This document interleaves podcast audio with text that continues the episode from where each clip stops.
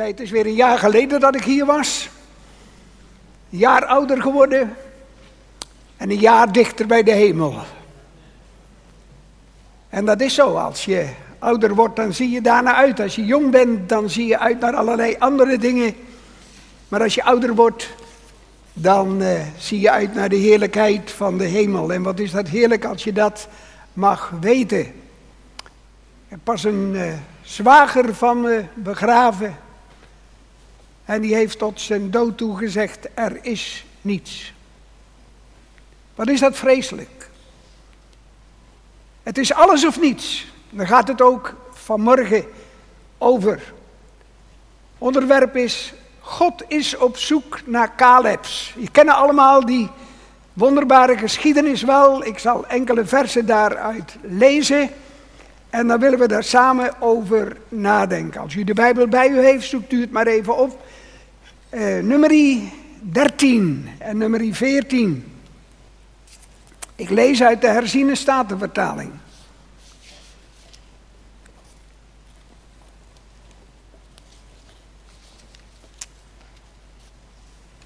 En u kent de geschiedenis wel dat het volk van Israël op weg was naar het beloofde land. En dat ze vlak voor die grens stonden om dat beloofde land binnen te gaan. En dan lezen we in uh, nummer 13. De Heere sprak tot Mozes. Stuur mannen voor u uit om het land te verkennen dat ik aan de Israëlieten geven zal. U moet één man per stam van zijn vaderen sturen, elk een leider onder hen. En Mozes stuurde hen uit de woestijn Paran op bevel van de Heer. Al die mannen waren hoofden van de Israëlieten. En dan gaan we naar vers 17.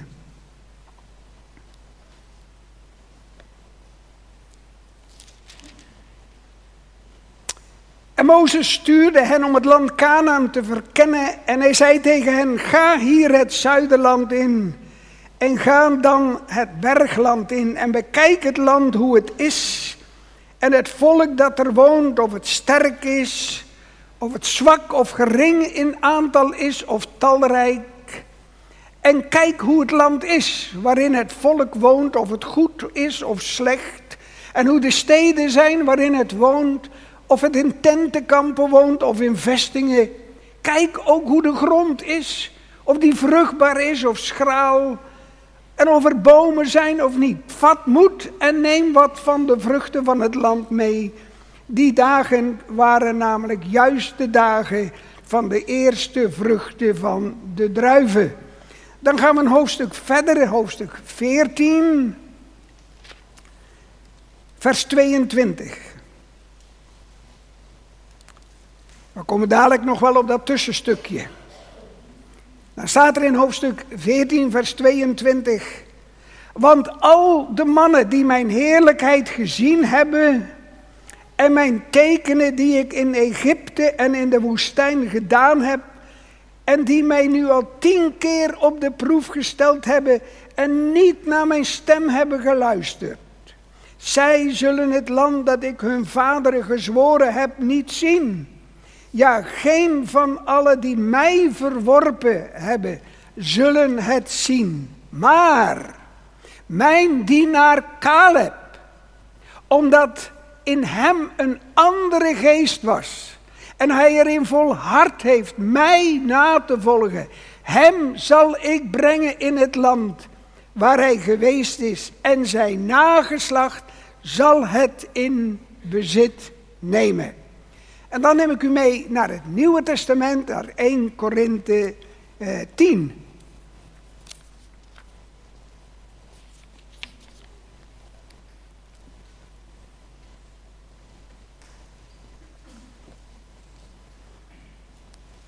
Hoofdstuk 10 vanaf het eerste vers.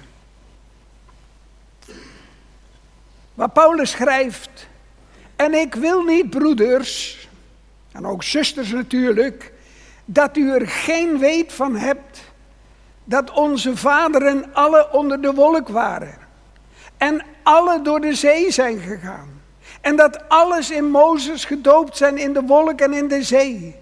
En alle hetzelfde geestelijk voedsel gegeten hebben.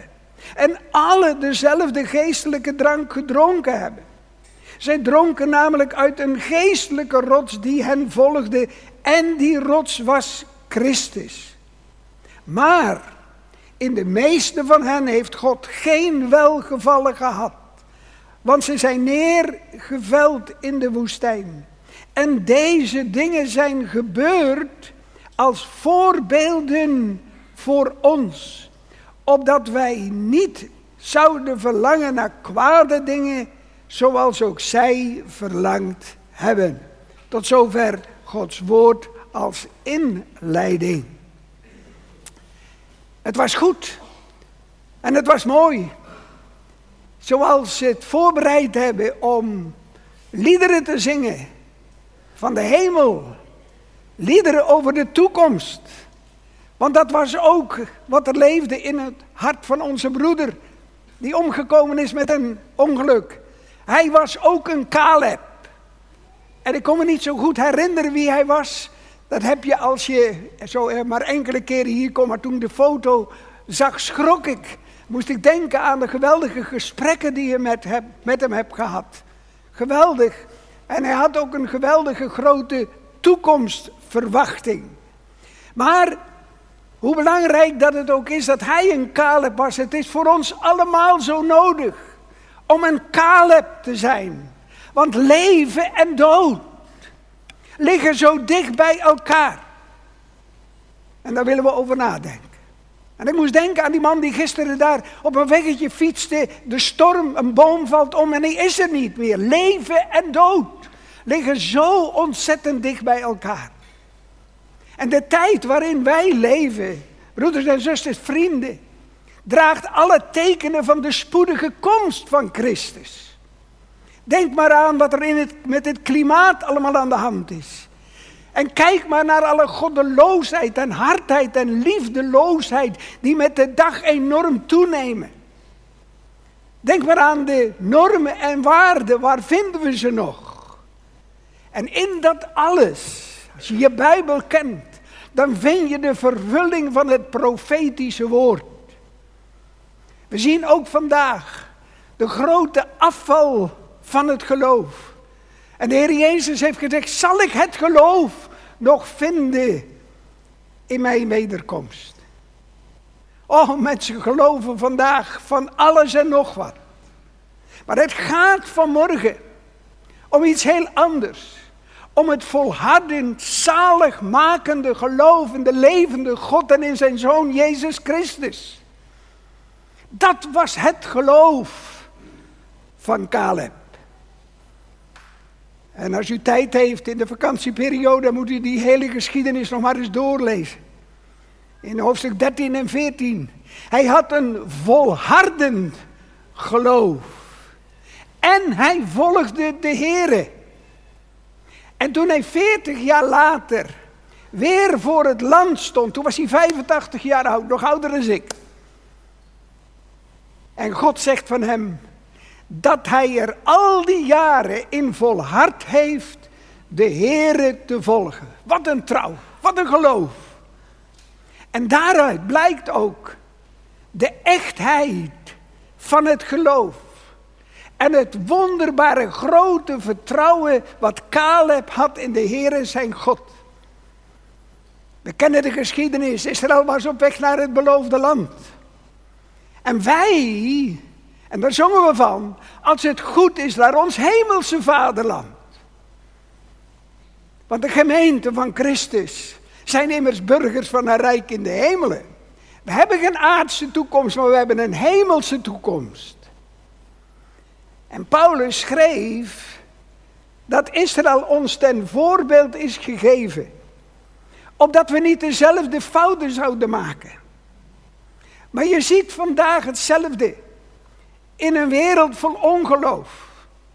En een enkeling die nog gelooft als een Caleb en een Jozua.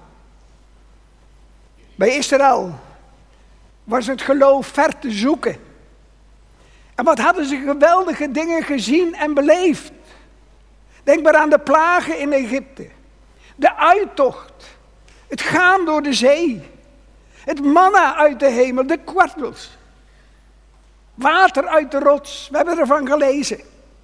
En zo openbaarde zich de Almachtige God aan hem met tekenen en wonderen. Maar het volk bleef vol ongeloof. En vol rebellie tegen de levende God. Ja, zo was het ook in de dagen van de Heer Jezus. Ook hij deed grote tekenen. Ook hij deed grote wonderen. Zieken genazen, blinden zagen weer, doven hoorden en doden werden opgewekt. En toch, en toch, vol ongeloof hebben ze hun redder en hun zaligmaker verworpen. Weg met hem. Kruisig hem. We willen niks met Jezus te maken hebben. En vandaag zie je het precies hetzelfde. En ze zeggen tegen mij, we willen niks met die Jezus van jou te maken hebben. Sprookjes.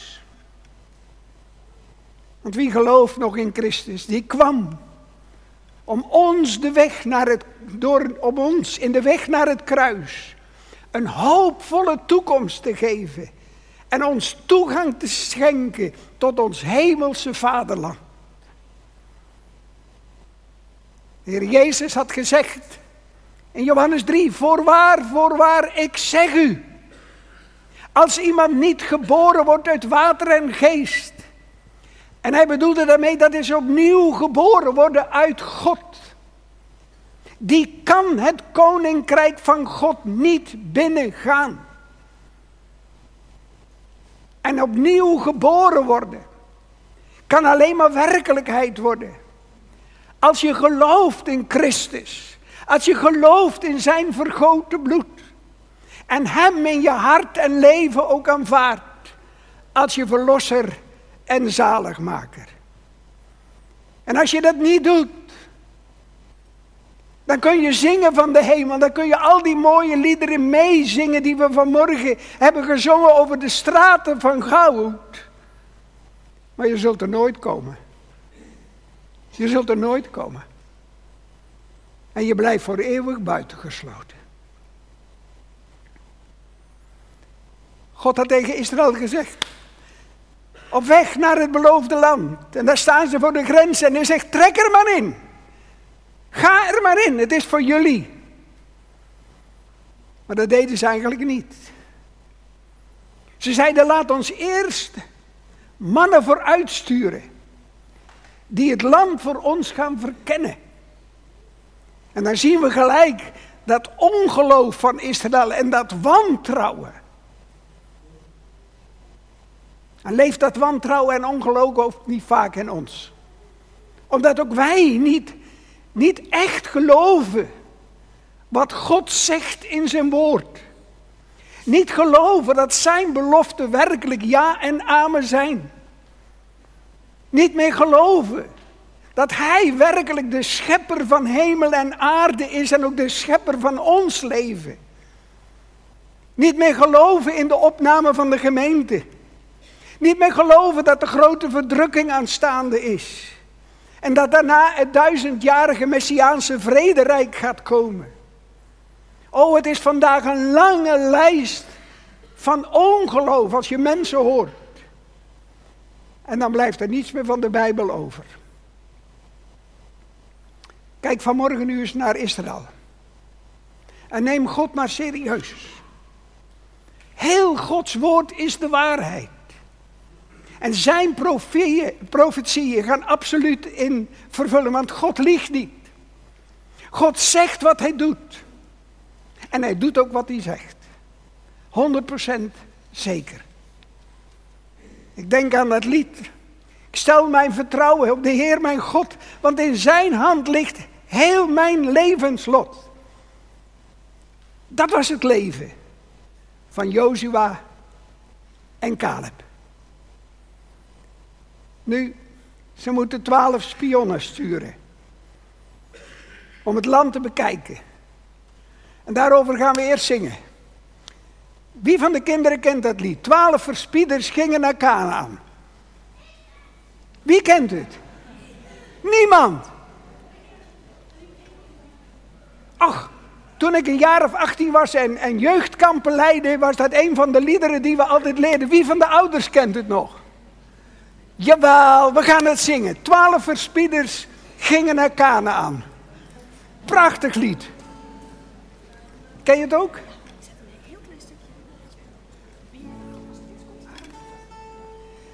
Kent u de manieren ook nog?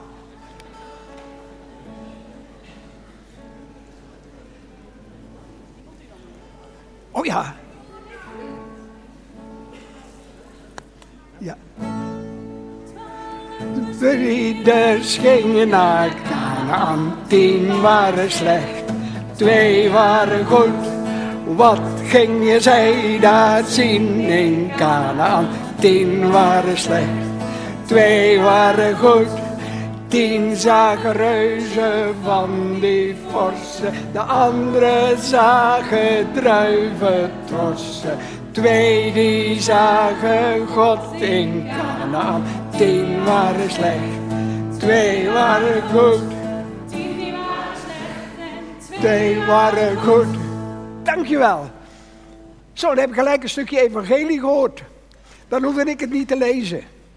Ik dacht, als we dat nu gaan zingen, dan zijn we weer helemaal bij de les. Tien waren slecht, maar tien waren eigenlijk ongelovig. Ze geloofden niet wat God zei, alleen die twee. Nou, ze vertellen wat ze gezien hebben. Het is waar. Het is waar wat God beloofd heeft, is waar. Het land vloeit over van melk en honing. Kijk maar naar die geweldige druiventrossen ook. Geweldig, geweldig. Maar dan, dan komt het wat wij ook zo vaak zeggen. Ja, maar. Oh, dat ligt voor in onze mond. Ja, maar. Dat is best herkenbaar. Hoe komt dat? Hoe komt het dat wij met onze ja maar zitten? Omdat wij niet aandurven ons leven echt aan Hem toe te vertrouwen. En met de Heer op weg te gaan. Ja maar is altijd een teken van ongeloof. Ja maar, de steden zijn versterkt. Met hoge muren, Jericho. Het volk is sterker dan wij. Er zijn zelfs reuzen, mensen als Goliath. Paniek. Paniek in het kamp. Want het negatieve wordt zo sterk uitvergroot. Het kan niet. En zo werkt altijd het ongeloof. En het gaat zo ver dat ze zeggen: het kan niet. We waren in onze ogen als sprinkhanen. Heel klein. En zij zijn veel sterker dan wij. Hun blik werd verduisterd door de omstandigheden. En dat is zo vaak, en dan zie je God niet meer. Dan kijk je niet meer naar omhoog, maar dan kijk je naar beneden. En de Bijbel zegt, daarom konden ze ook vanwege hun ongeloof het land niet ingaan. Ongeloof hield hem buiten het land. En weet je wat ze deden? Ze gaven God nog de schuld ook.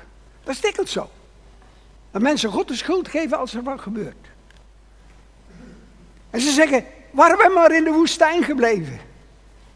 Waren we maar teruggegaan naar Egypte? Laten we maar een hoofd aanstellen en dan gaan we terug naar Egypte. En zo verlaten ook vandaag velen op weg naar het beloofde land, vol ongeloof God. En ze gaan terug naar de wereld. Want ze missen dat volhardende, zaligmakende geloof.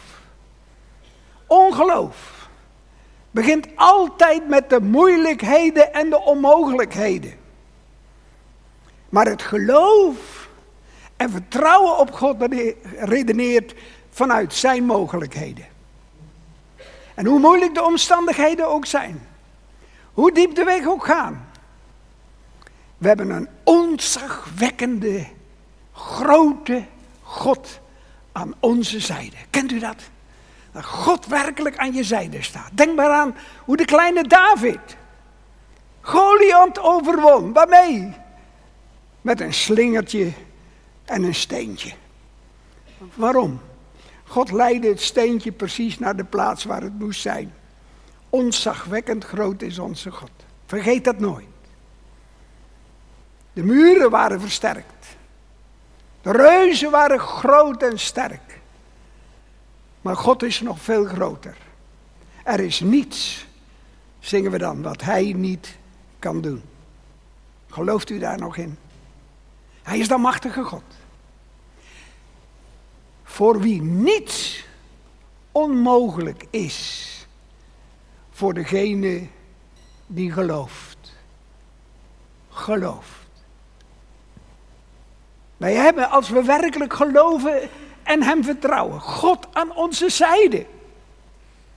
Die ons niet zal begeven en niet zal verlaten. Want de Heer zal voor ons strijden en wij zullen stil zijn. Hij doet het. Nou, ze hebben al het negatieve gehoord. En dan gaan Jozua en Caleb staan. Om te getuigen. Ze zijn diep in hun hart geraakt voor al het negatieve en ze scheuren hun kleren. En luister goed wat ze zeggen. Laten wij vrijmoedig optrekken. Wat een geloof.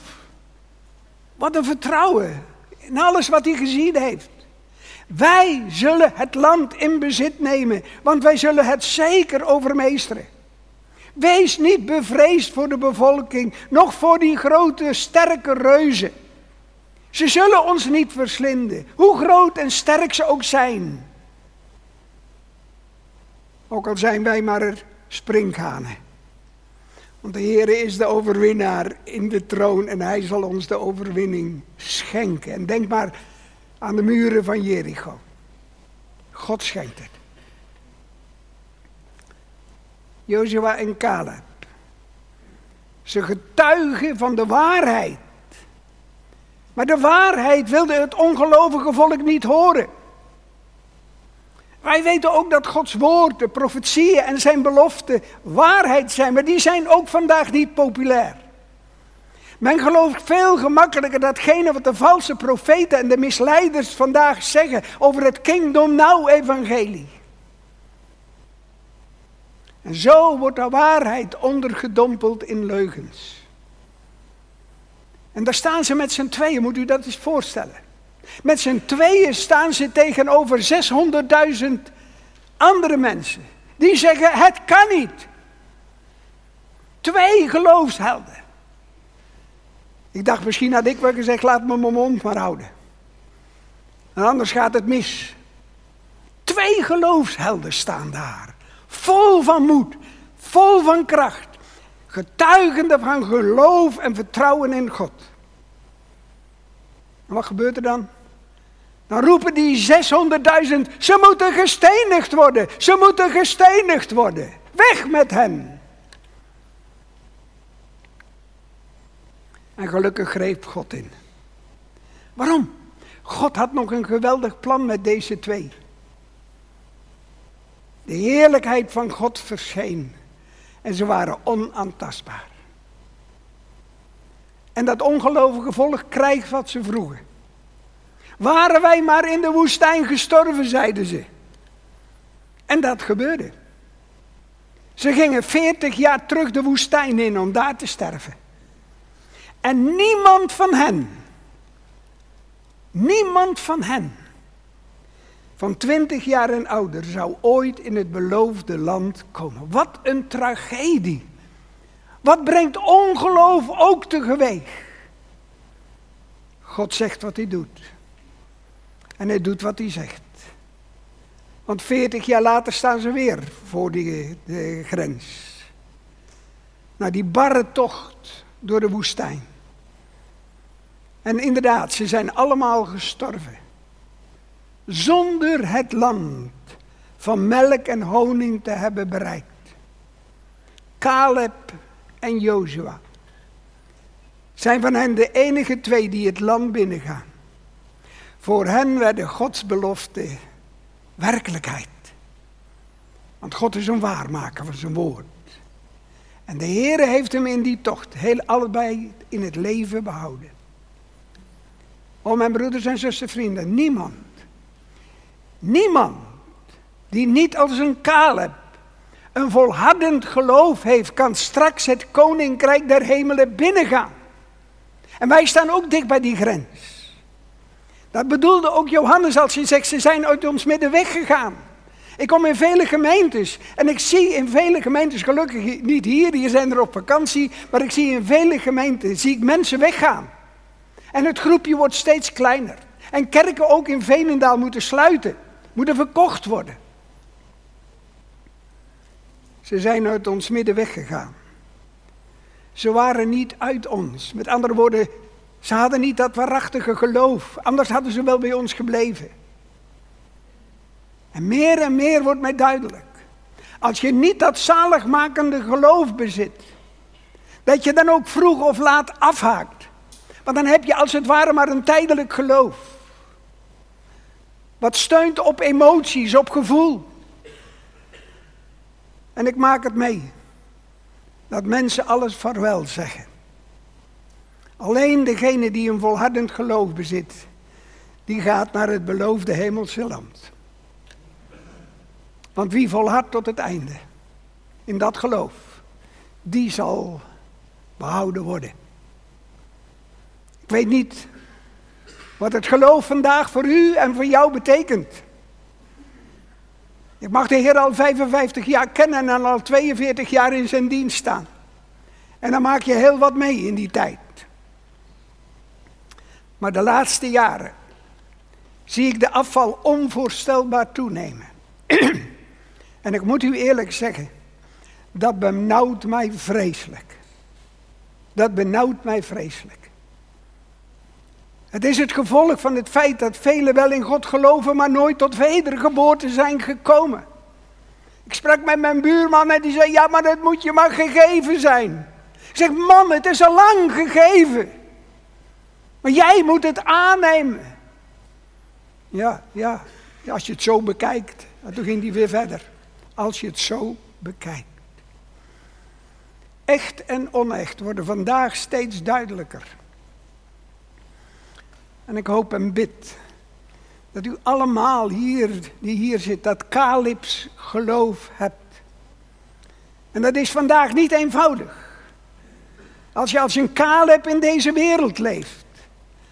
Als je de moed hebt om te getuigen van God en van Gods woord en van de Heer Jezus, dan kom je alleen te staan.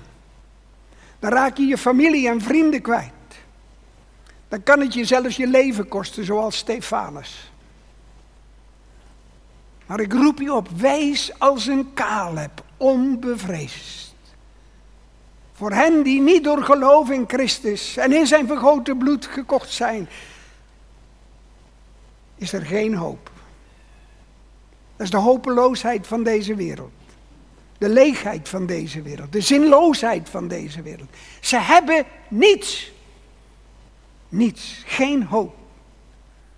Wij staan dicht bij de grens. Daar ben ik van overtuigd. Het zijn de laatste uren, zegt de Bijbel, want de geest van de antichrist wordt meer en meer zichtbaar. Dicht bij de grens. Dat betekent dat we dadelijk of achterblijven of de grens in overgaan. Ik moest in de voorbereiding denken aan een oud lied, wat is gemaakt door John Buurman. John Buurman was op reis naar eh, Zwitserland toe, voor zijn vakantie. En hij komt eraan bij de grens. En de douane zegt, eh, meneer mag ik uw paspoort even zien? Hij alles afzoeken. Paspoort vergeten. Paspoort vergeten. En hij kon helemaal terug naar Nederland om zijn paspoort te halen. Want hij kwam de grens niet over.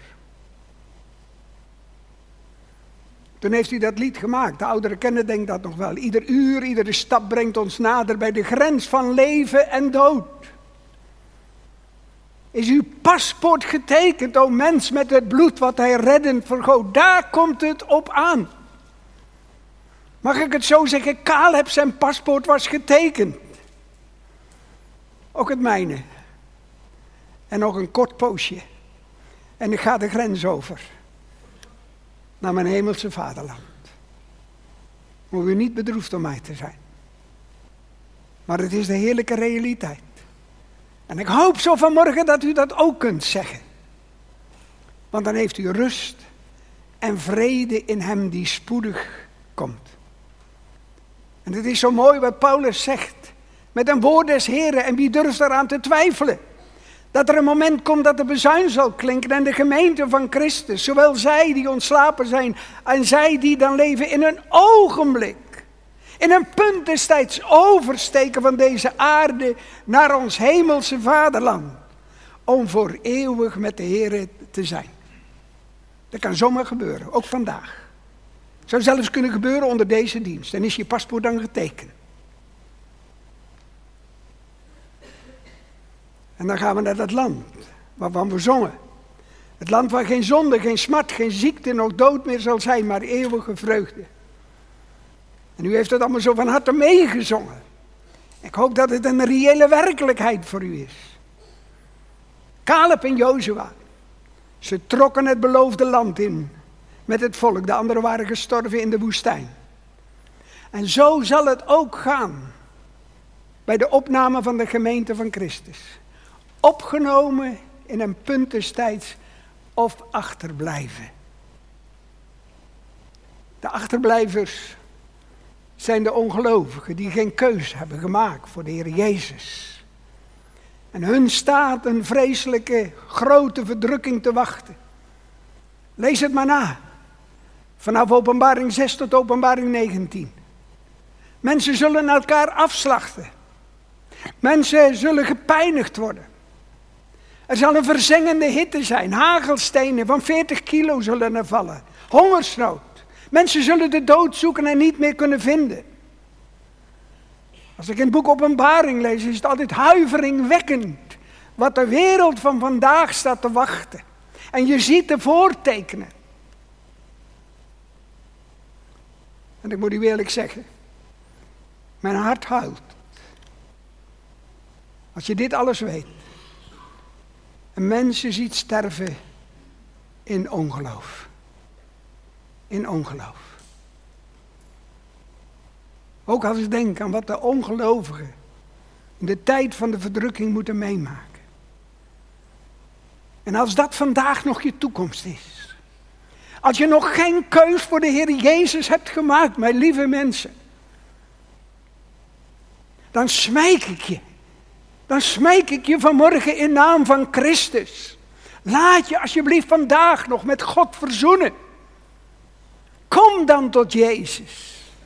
Hij stierf ook voor u en ook voor jou. De tijd is kort. We staan bij de grens.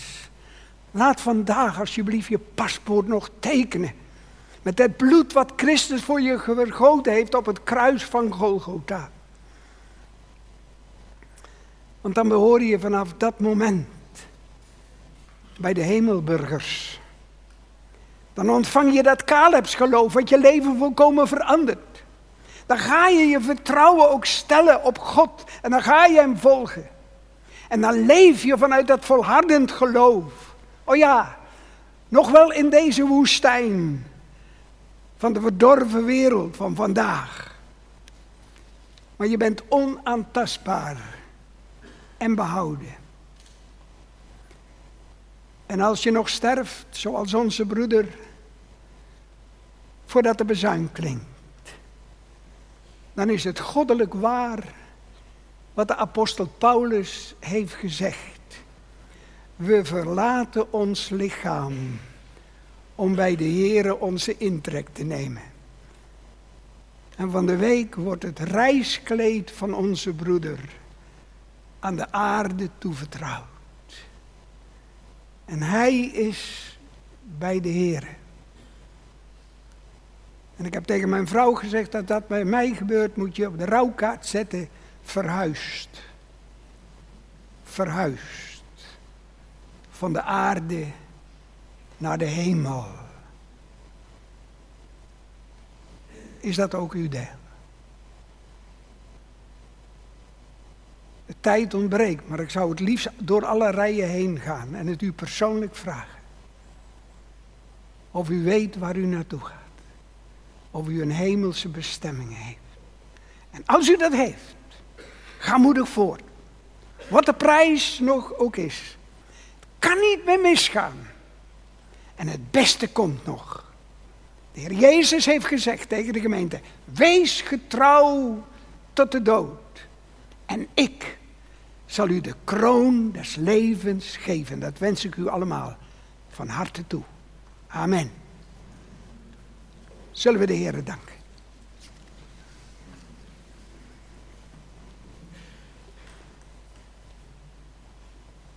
Heren, we hebben gezongen dat we het evangelie nodig hebben. Dat we de boodschap nodig hebben. En u hebt door uw woord en geest gesproken. Niemand kan er meer omheen dat hij het niet geweten heeft. En ik wil u bidden voor mensen die nog nooit een beslissing hebben genomen. Ga niet naar huis zonder Jezus. Want je hebt zijn stem gehoord. En ik wil u bidden dat zij vanmorgen tot levend geloof zullen komen. Dat zij een Caleb zullen worden. Maar ik wil u ook bidden voor alle Calebs. Heer, dat zij moedig en onbevreesd hun getuigenis zullen geven in deze wereld. Heer, help ons om in getrouwheid dat te doen. En de mensen te laten zien vanuit uw woord dat uw komst zo heel dicht nabij is. Heilig uw woord aan ons hart. En we willen bidden ook voor komende dinsdag. Voor onze broeder die de dienst zal leiden. Geef hem alle genade. Om dat te zeggen wat er ook gezegd moet worden van u en twegen. Wil u bidden voor de familie. Vol van verdriet. Heren, dat zij getroost zullen worden. Door u zelf. Wij zijn vaak van die slechte troosters. Maar wilt u ze troosten? Zoals u alleen maar kan troosten. En bemoedig ze. Met kracht in hun ziel. Om ook, al is daar het gemis van hun mama en vader. Om toch aan uw hand ook verder te gaan. Tot die dag. Dat wij allemaal komen bij u. In het vaderhuis met de vele woningen. We prijzen uw naam voor die geweldige toekomst. En ik prijs uw naam dat u ook mij die toekomst hebt bereid. Geprezen zij uw heerlijke naam, Maranatha. Amen.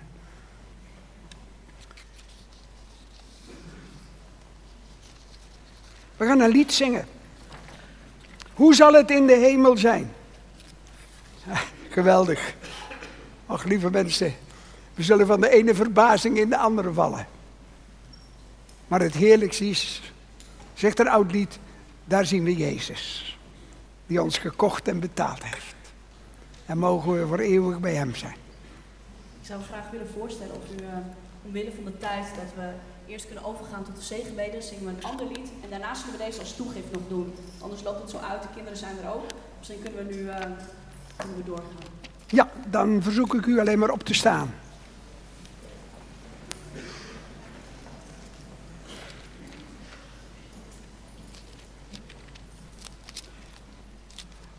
Oh, we zaten nog in de tijd, hè?